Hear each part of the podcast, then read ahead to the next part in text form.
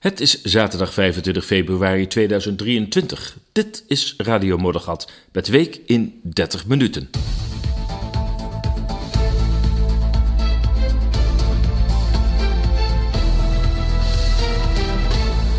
Ja, en deze uitzending steeds meer protesten tegen de oorlog in Oekraïne. Simon Kamichelt, het onderwerp dat we vorige week niet uh, konden behandelen, gevolgd door de BVD.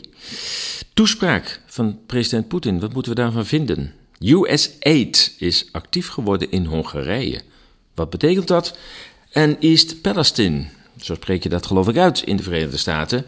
En de Digital ID, een rare combinatie. En natuurlijk aan het eind van deze uitzending van 30 minuten verhalen van de gewone Rus. Maar eerst naar de protesten tegen de oorlog in Oekraïne. In steeds meer landen gaan mensen de straat op om te protesteren tegen de oorlog in Oekraïne. En velen zien deze oorlog dat ook vooral veroorzaakt en uitgelokt door de Verenigde Staten. Het is een gewenste oorlog. Er was immers een overeenkomst, een overeenstemming over een wapenstilstand op, uh, op 1 april, dacht ik. Nee, het was niet precies 1 april, maar in ieder geval in april uh, bereikt in Istanbul tussen Rusland en Oekraïne. Dus we hebben het over 2022, net na de inval van uh, Rusland. Over door Rusland genoemd de Special Military Operation, omdat ze zich beroepen op de UN Charter, artikel 51. Het, het, het recht op collectieve zelfdefensie is het artikel. Maar goed, dat is meer voor, voor juristen. Um, ja, dat, artikel, dat, uh, dat akkoord is getorpedeerd. Um, dus uh, Zelensky kwam min of meer met het bericht: we hebben een akkoord. En toen vloog Boris Johnson naar Kiev en zei: haha, dat is echt niet de bedoeling.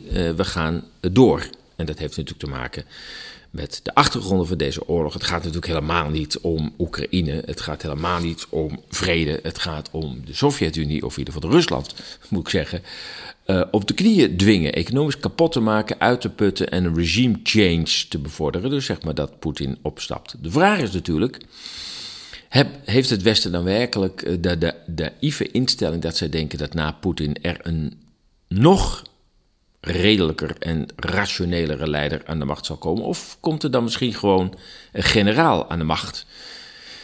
Ja, en wie de geschiedenis van de Sovjet-Unie kent, weet dat dat land ook een stuk agressiever kan zijn en gewelddadiger uh, en onderdrukkender dan uh, onder Poetin.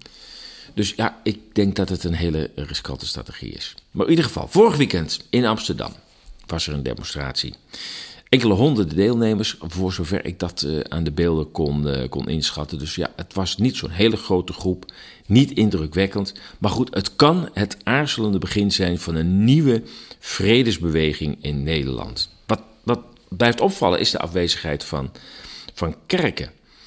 In de, in de tachtige jaren uh, was er Pax Christi en die bracht honderdduizenden tot tweemaal toe uh, demonstranten op de been tegen de komst van de Amerikaanse kruisraketten, de Pershing II. Ja, nu zijn onlangs uh, nieuwe atoomwapens geplaatst in, uh, in Nederland op de vliegbasis Volkel. En ik heb niets van protesten gemerkt. Maar ook de kerk zwijgt in alle talen. Ik, ik weet niet wat het is, maar er lijkt een soort ja, sinds corona een soort magic spel te zijn bereikt. Een soort ja, lamgeslagen samenleving. Het is onvoorstelbaar. Ik denk dat die COVID-tijd met al die maatregelen veel mensen passief heeft gemaakt, depressief, misschien ook wel angstig voor een agressieve overheid. Ja, natuurlijk, over de media hoef het niet te hebben. Ik bedoel, ehm, ehm, dat, dat, dat was al met COVID niks, maar dat is nu met de oorlog, in Oekraïne uh, kun je daar eigenlijk ook niet goed op varen. Nou, gelukkig was er ook een grotere demonstratie in Washington, daar waar de oorlogspresident zetelt. Uh, ik zag beelden van zijn bezoek aan Kiev, waarbij het hem moeilijk viel om over de rode lopen te blijven lopen. Hij week uh, tot buiten de rode lopen, dus hij kan zich blijkbaar ook fysiek niet meer goed oriënteren. En het is onvoorstelbaar dat artsen onlangs hem hebben gekeurd voor een eventuele volgende termijn, jawel, van Joe Biden. En uh, nou, er was niks aan de hand. Die man was kerngezond en kon makkelijk nog vier jaar president van de Verenigde Staten zijn. Je bedenkt het niet, maar terzij je veronderstelt dat er krachten achter Biden uh, zitten die denken: nou, dit is wel een hele makkelijke president om, om een boodschap uh, te sturen. Dat zou kunnen. Maar goed, in ieder geval uh, een grote demonstratie in Washington. En ik begrijp dat 18 maart er nog een veel grotere demonstratie plaats zal vinden in Washington. En ja, hoe gek het ook klinkt, de ellende komt uit de Verenigde Staten. Maar de hoop dat het tij gekeerd wordt, komt ook uit de Verenigde Staten. Ja, en, uh, en, Duitsland. Duitsland wordt ook zeker gedemonstreerd. Is in Berlijn is pas weer gedemonstreerd. Ik denk dat er nog een aantal demonstraties in een aantal grote steden, waaronder zeker Berlijn, op uh, stapel zullen staan. Uh, ja, vooral Duitsland wordt natuurlijk getroffen door deze hele oorlog uh, aan twee kanten. Hun energievoorziening en eigenlijk daarmee ook de onze wordt door ehm, de aanslag op de pijpleiding natuurlijk uh, enorm geschaad. De Duitse zware industrie leidt eronder. Die wordt natuurlijk nu ook gelokt door de Verenigde Staten. Kom maar bij ons. Kom maar bij ons. Geen enkel probleem. En dat heeft ook alles te maken met de handelsbalans tussen Duitsland en, uh, en, uh, en de Verenigde Staten. Dat is al jaren een, een punt van ergernis in Washington onder Trump al, die zei van ja, die, die, die handelsbalans is zo uit evenwicht, uh, daar moeten we wat aan doen. Ik heb uh, begrepen dat, je, dat Duitsland iets van 156 miljard jaarlijks naar de Verenigde Staten exporteert en de Verenigde Staten verkoopt voor 56 miljard aan Duitsland. Dat nou, scheelt 100 miljard. En dat betekent dat ehm, de Verenigde Staten die 100 miljard uit andere handels uh, betrekkingen moet zien te halen. Dus dan moeten ze aan andere landen voor 100 miljard meer verkopen om uiteindelijk Duitsland weer te kunnen betalen. Ja, zo gaat dat met handelsbalansen. En dat is een ergernis. En nou ja, doordat Duitsland natuurlijk gedwongen is om um, Amerikaans aardgas te kopen, of eh, LNG-gas. Dat vier keer zo duur is, uh, heb ik begrepen, als het aardgas uit Rusland. Nou, dat betekent dat die handelsbalans alweer wat verschuift in richting van de Verenigde Staten. Uh, ja, als dan ook nog eens industrieën die nu in Duitsland hun geld verdienen, naar de Verenigde Staten zouden verhuizen, dan gaat die handelsbalans nog meer in evenwicht komen. Dat is een van de economische drijfveren, denk ik, achter, achter deze oorlog. Uh, ja, een ander sentiment in Duitsland is natuurlijk dat ze weer als land door westerse krachten tegen Rusland worden opgezet. En dat was de Tweede Wereldoorlog ook natuurlijk de voeten uit. Hitler is natuurlijk ook niet zomaar, ja, hij leek wel uit de lucht te komen vallen. Maar hij is natuurlijk behoorlijk uh, gefinancierd en getraind door, uh, door westerse investeringen, door een aantal grote Amerikaanse banken. Uh, om Rusland een kopje kleiner te maken. En in de slipstream ook het eigen land te laten vernietigen. Nou, het lijkt erop alsof dat spel weer op de wagen staat. En veel Duitsers kunnen zich echt nog wel herinneren dat Nazi-Duitsland de Sovjet-Unie binnenviel en uiteindelijk dat leidde tot 26 miljoen Russische doden. 26 miljoen. Nie wie de krik heette het tot voor kort, maar het lijkt alsof die les een beetje vergeten is. We gaan naar Simon Kamichelt. Als we de Binnenlandse Veiligheidsdienst, de BVD heette dat toen nog, volgens mij bestaat dat eigenlijk nog. Je hebt nu de AIVD en je hebt de NCTV. Ik, uh, ik hou het allemaal niet meer bij met die uh, geheime dienst hoor. Het is allemaal zo geheim. Maar goed, hoe dan ook. Uh, toen heette het in ieder geval de Binnenlandse Veiligheidsdienst. En Simon Kamichel, die Amsterdamse schrijver van die kleine kronkels in de krant. Ik weet niet, was dat nou de Volkskrant of het Parool, denk ik. Ehm, die, eh, die schijnt dus inderdaad gevolgd te zijn door de Binnenlandse Veiligheidsdienst. Uh, waarschijnlijk vanwege zijn activiteiten dat hij uh, zowel in binnen- als buitenland inlichtingenwerk verrichtte voor de Partij van de Arbeid. Daarnaast hield de BVD hem scherp in de gaten voor zijn Russische contacten. Toen ook al. Het onlangs vrijgegeven BVD-dossier over de schrijver en de melancholieke voorlezer van stukjes die hij kronkels noemde, begint met de notitie dat Carmichelt een visum voor Amerika heeft aangevraagd.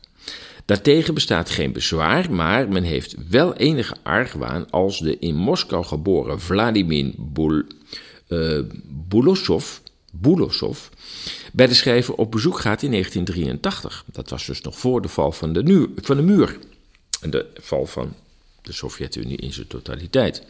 Nou ja, deze Rus die is als tolk werkzaam geweest destijds dan bij, de, bij het Russische staatscirkers. Maar aangezien dat in België verblijft, wordt daar van zijn diensten geen gebruik meer gemaakt.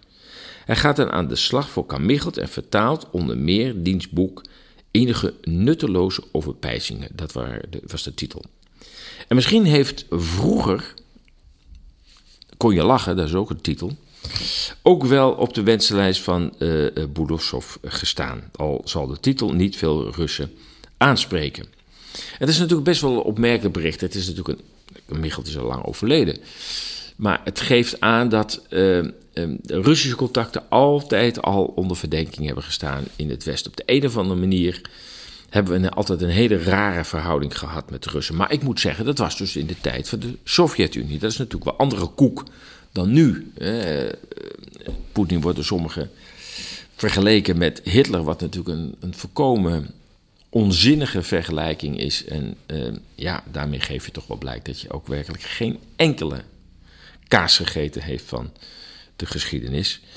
Uh, maar dit Rusland is zeker niet vergelijkbaar met de Sovjet-Unie van, de, van toen. Ik bedoel, de Sovjet-Unie van toen. En nou, ik, ik vertel daarover in de verhalen van de gewone Rus. Was natuurlijk een tamelijk gewelddadige, agressieve uh, uh, ja, staat, zou je kunnen zeggen. En werd geregeerd door nogal wat potentaten. Dat werd langzamerhand wel wat minder. Ik bedoel, na overlijden van Stalin kwam er zeker verlichting in, uh, in de Sovjet-Unie. Maar het Sovjet-Unie, of de Rusland van nu, is op geen enkele manier uh, vergelijkbaar met de Sovjet-Unie. Dus die, die ontzettende uh, ja, bezetenheid om, uh, om Rusland te demoniseren. En zelfs nu collectief te willen gaan vernietigen. Ja, dat is. Ik, ja, ik, ik heb daar geen woorden voor, eerlijk gezegd. We zijn uh, gezegend met een aantal doorgedraaide leiders, dat is duidelijk. Want welk zinnige leider uh, zint erop om Rusland te vernietigen? En ook dat ook publiekelijk gewoon te zeggen. Ik kan me voorstellen wat er gaat gebeuren als Poetin in zijn toespraak van uh, afgelopen week zou hebben gezegd: Wij zijn erop uit om de Verenigde Staten te vernietigen. En we hebben met Mexico een militair verdrag gesloten en gaan daar nu wapens plaatsen. Kernwapens. Nou, ja, je kunt wel voorstellen wat er dan gaat gebeuren. Maar dat is dus precies wel wat met Rusland nu gebeurt. Land voor land wordt in de NAVO gesleept, er worden wapens geplaatst die binnen enkele minuten in Moskou kunnen zijn. En dat moet Rusland gewoon goed vinden. Ja. Zo gaat dat. Even over Berlijn. Um, er is een tour gepland. Voor het eerst ga ik weer eens een rondleiding geven in, uh, in Berlijn. Met een iets andere inhoud dan ik eh, de afgelopen uh, tien jaar heb gedaan. Afgelopen tien jaar moet zijn 2009, 2019, want toen kwam 2020. Hè, toen is het gestopt. En deze tour gaat duidelijk over de relatie tussen de Verenigde Staten, Duitsland en Rusland. En er is geen stad, denk ik, in Europa waar je die moeizame verhoudingen tussen die drie beter kunt laten zien, kunt laten ervaren. Goed, die tour is 21 en 22 april. Dat is een vrijdag en een zaterdag. Een vrijdagmiddag en een hele zaterdag in Berlijn. Uh, ja, en mocht je belangstelling hebben om mee te gaan, ga dan naar de website en uh, kijk dan even op de voorpagina. Er staat duidelijk een banner. En als je daarop klikt, krijg je meer informatie en kun je ook reserveren voor uh, deze rondleiding. Ehm, er gaan maximaal maar tien mensen mee, omdat ik het heel belangrijk vind. Dat ik ben ook de gids uh, in dit verband. Uh, dat, dat we in dialoog door Berlijn gaan. Met andere woorden, eh, niet een eenzijdig verhaal van ik weet precies hoe de geschiedenis in elkaar zit. Het gaat om, om elkaars inzichten te versterken. En ik weet zeker dat de mensen die meegaan meer dan gemiddeld geïnteresseerd en geïnformeerd zijn over geschiedenis En dat maakt het juist zo interessant om dan ook met elkaar in gesprek te gaan. En samen aan te voelen van hoe zit het nou precies met die, met die relaties en, en wat vertelt Berlijn nou als het gaat om dat verhaal. Goed, dan uh, nou we toch weer over, uh, ja het is veel geopolitiek uh, de laatste tijd, maar goed er gebeurt ook op dat terrein het een en het ander. Ehm, ja, afgelopen week heeft Poetin een, een toespraak gehouden. Um, daar hebben uh, veel mensen naar vooruit gezien van wat gaat, daar, wat gaat hij daar zeggen? Gaat hij daar nou, hele enge dingen roepen? Nou ja, hij heeft wel aangegeven dat hij zich terugtrekt uit het laatste verdrag als het gaat om het beheersen van kernwapens. Een aantal er al opgezegd door de Verenigde Staten eenzijdig. En hij zegt, nou ja goed, er was toch één verdrag, ik ben even de naam van dat verdrag, is me ontschoten. Uh, maar dat zeggen we nu ook. Nou ja, hij zei: we zeggen, we zeggen het niet op, we bevriezen het. Dus we houden het even aan. Want ja, de Verenigde Staten zich nergens meer aan willen houden, waarom zouden wij dat moeten doen? En daar sprak voor de Duma en uh, de Raad van de Russische Federatie. En dat leverde deze mededeling ook meteen een, een dik applaus op. Ja, uh, Poetin blijft het hebben over natuurlijk de Special Military Operation. Uh, je zou kunnen zeggen, ja, ja wat, what's in the name? Het is toch gewoon oorlog? Ja, dat is het nu inmiddels ook. Maar het begon als een Special Military Operation, zoals Scott Ritter wel eens zegt, van ja, met een relatief klein legeronderdeel. Uh, ja, ik vind 190.000 niet klein, maar gezien het gebied waar het om gaat, uh, schijnt het wel klein te zijn. Ehm, eh, ja, heeft Poetin geprobeerd om de aanvallen vanuit uh, de, over, de regering van, van Kiev, de door de Amerikanen neergezette regering op het oosten van Oekraïne, om dat stop te zetten door er een barrière tussen aan te brengen en de dag dan 190.000 uh, manschappen genoeg te hebben. Maar ja, dan moet je niet natuurlijk een, een, een tegenstand uh, krijgen en dan ook nog eens flink gesponsord door de NAVO.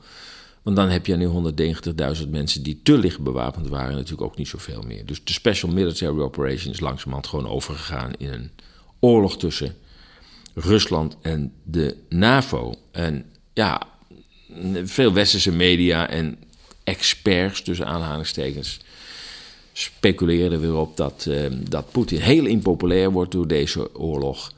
Um, en dat hij daardoor gedwongen zal worden om, uh, om af te treden en dat de economie verder zal wegglijden. Ja, het is allemaal precies het omgekeerde.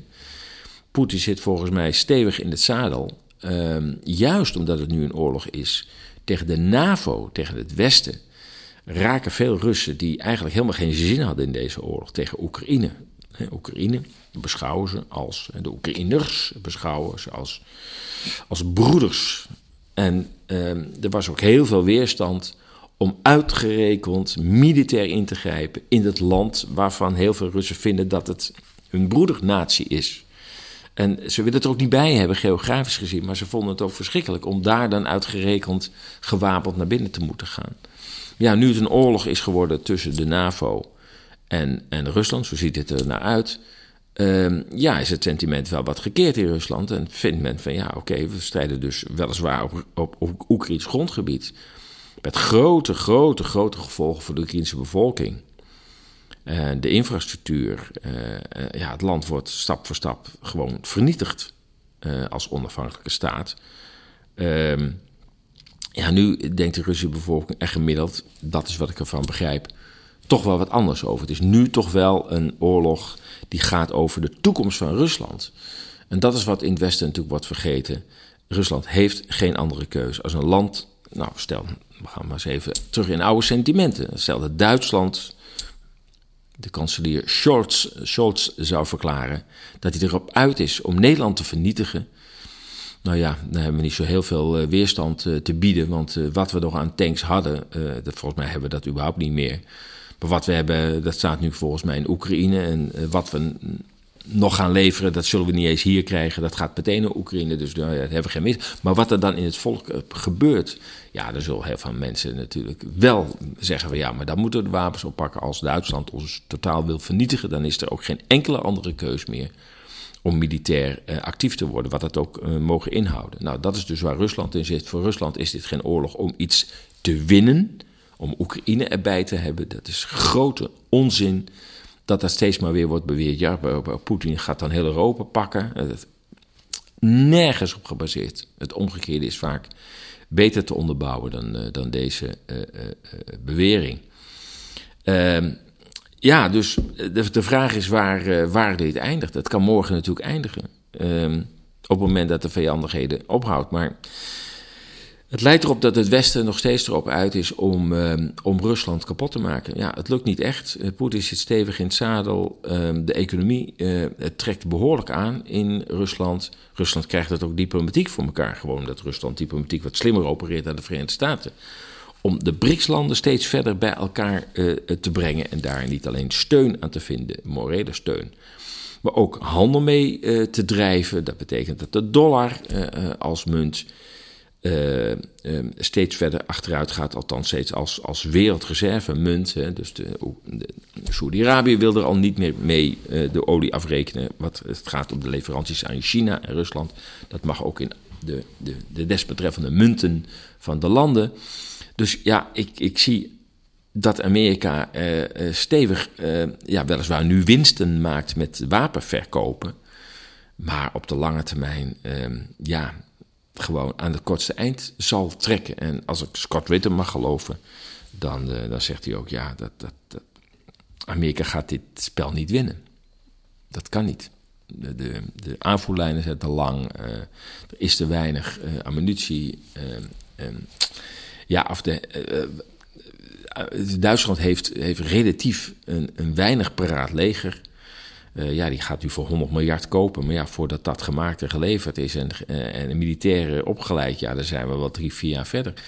En ik, ja, als we, als we Hoekstra mogen geloven, ja, ik snap het niet. Het was eerst toch gewoon een minister en nou is het gewoon een, een oorlog, uh, oorlogshetser. ja, gaan we naar een lange oorlog toe? Ik, ik weet het niet, ik weet het niet. Ik denk dat ze dat wel zouden willen, maar ehm, sommigen zeggen zelfs er komt pas een einde aan de oorlog als Rusland gewoon wint. En wint in de zin van Oekraïne kan bezetten en daarna voor kan werken, dan ontstaat er weer rust. Maar hoeveel doden moeten daar nog voor vallen? Dat is natuurlijk een verschrikkelijk perspectief. Er zijn al zoveel jonge mensen gestorven in deze verschrikkelijke oorlog. Hoe lang laten wij dit nog doorgaan? Ja, Dan gaan we naar Hongarije. US Aid wordt actief in Hongarije. En wat betekent dat? Wat is dat, US Aid? Ja, het klinkt uh, als uh, uh, wij komen u helpen. Aid, hulp. Maar dan moet je weten dat US Aid is een organisatie, overigens met, met als slogan From the American People. Maar US Aid is een van de talrijke NGO's van de CIA. Je zou kunnen zeggen, het is het uh, humane gezicht van de CIA. Het heeft maar liefst een budget van 27 miljard dollar. Ja, ja. En daarvoor, daarvoor wordt niet rijst gekocht. Ze hebben vertegenwoordigingen in 100 landen. Dat is ongeveer ook het aantal waar Amerika militaire basis heeft. De baas daarvan is sinds kort Samantha Power. Power is natuurlijk wel een prachtig woord in dit verband, want daar gaat het ook helemaal om. En als zij eh, opduikt, althans als haar organisatie ergens opduikt, dan weet je, dan is de stront aan de knikker. Dan begint Amerika zich met dat land te bemoeien. En George Soros heeft in Hongarije, George Soros is trouwens ook een Hongaar van oorsprong, uh, de rijke miljardair, hè, filantroop wordt hij uh, genoemd, de politiek geëngageerde filantroop. Ja, die heeft al natuurlijk al jaren geprobeerd om Hongarije naar zijn hand te zetten, democratisch te maken naar Amerikaans recept. Met zijn uh, speciale universiteit, Engelstalige universiteit. Nou, dat, die is volgens mij gesloten door Viktor Orban. Ja, het is, het is zo als een doorn in het oog dat, dat Orbán zegt: ja, ik, ik, ik, ik kan hier geen honderdduizend vluchtelingen en, en immigranten hebben in dit land. Dat wil ik gewoon niet. En ja, Hongarije was wel het doorvoerland van de vluchtelingenstroom. Dus die kwamen allemaal door Hongarije. en hij heeft gezegd: ja, sorry, dat, dat, wil, ik, dat wil ik niet. Dat ontwricht mijn, mijn land. Maar Orbán is natuurlijk ook voor, de, voor Brussel een pain in the ass. Want ja, hij is tamelijk eigenzinnig. Hij wil gewoon energie blijven houden uit Rusland. Omdat hij zegt, ik heb daar geen alternatieven voor. Uh, en ik, ik ben daardoor ook niet uh, voorstander van al die sancties tegen Rusland. Dat brengt ons niets. Nou ja, dan komt uh, Amerika binnen met Samantha Power. En ehm, ja, die gaat daar gewoon even wat dingen regelen. Uh, dat begint eerst, het is een beetje een vast model, ze noemen het wel eens de CIA Playbook. Uh, ze gaat even praten met een aantal oppositionele groepen, zoals dat heet.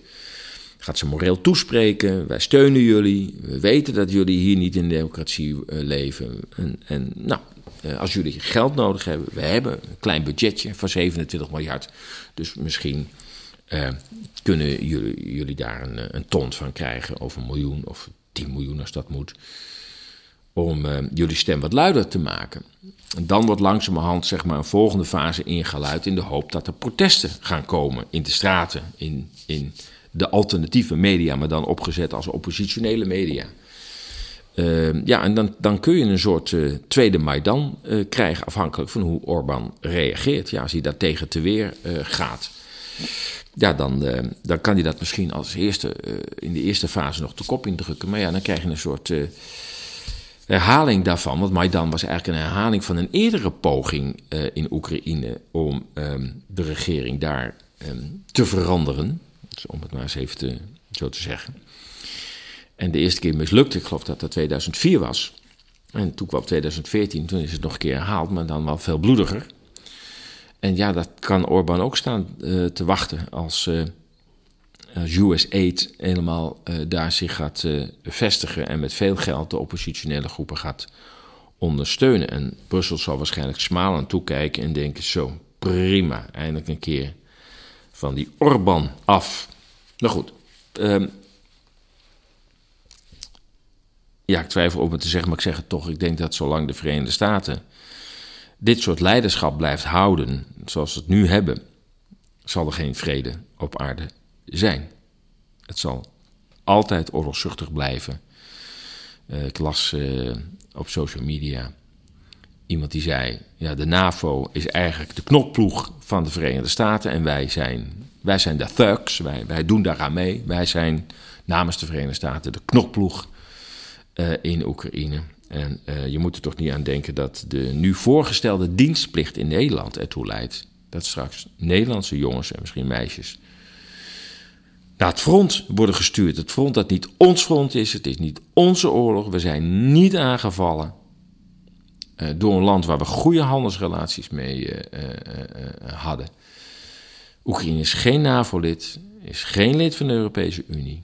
Het is een grensland, zoals het, het begrip Oekraïne ook betekent.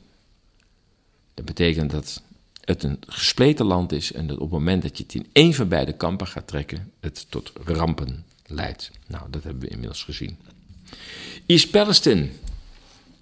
Ja, wat opvalt in de Verenigde Staten is dat er de ene na de andere uh, chemische ramp plaatsvindt. Is het niet bij treinen? Ik geloof dat er in de afgelopen half jaar tien treinen zijn ontspoord met chemische rotzooi erin. Uh, maar ook allerlei fabrieken die in, de, in, in vlammen opgaan. Zowel agrarische bedrijven, maar ook chemische bedrijven. Ja, op Twitter zie ik ook mensen zeggen, die zeggen jeetje, weer, vandaag weer een. En, en, en wat is er aan de hand? En sommigen zeggen, ja, is, is Amerika, uh, wordt dat aangevallen? En, en zo ja, door wie dan? En net zag ik nog een filmpje uh, van iemand die uh, in Californië, en die staat in het rural, rural area van Californië, waar, waar heel veel landbouwgebieden zijn, heel veel landbouwactiviteiten zijn. Daar loopt één spoor door en daar staat nu een trein van kilometers lengte met allemaal giftige stoffen erin. Die staat daar gewoon stil. En die vrouw die heeft dat gezien en die zegt: Ja, maar wat doet die trein hier? We hebben nog nooit een chemische trein hier gezien in en uitgerekend in de landbouwgebieden. Er zijn een aantal rivieren. Oh wee, als daar een ongeluk gaat gebeuren, ja, dan is die landbouw is, is voor jaren is daar vernietigd en, en, en de rivieren vergiftigd. Ja, dat is dus ook wat in East Palestine, of ik zeg Palestine, zij zeggen Palestine uh, aan, aan de gang is, dat kleine plaatsje in het noordwesten, noordoosten van, uh, van de Verenigde Staten. Uh, het is een enorme ramp. En Joe Biden gaat wel naar Kiev, maar heeft waarschijnlijk nog niks van East Palestine gehoord. Gaat er ook niet naartoe, kan. Uh, ja, toeval bestaat niet, zeggen ze wel eens. Maar vlak een paar maanden voor deze ramp uh, kwam de lokale overheid met het aanbod dat uh, er een gratis digital ID op te halen is bij de gemeente. En die digital ID is een medisch digital, uh, digital ID. Dat moet ervoor zorgen dat in geval van een ramp, dat, ramp dat, dat mensen makkelijker getraceerd konden worden en hun gezondheidstoestand van die digital ID kon worden afgelezen. En dat men dus sneller, zeg maar, de juiste medische zorg zou kunnen verlenen op het moment dat zo'n ramp zich zou voordoen. Nou, drie maanden later doet zo'n ramp zich voor. Dat kan toeval zijn, tuurlijk. Maar toch. Ja, en dan moet je ook nog eens naar Netflix kijken. Die komt met een televisiefilm, White Noise. Uh, ik dacht in december uh, vorig jaar. En White Noise gaat over het ontsporen van een chemische trein.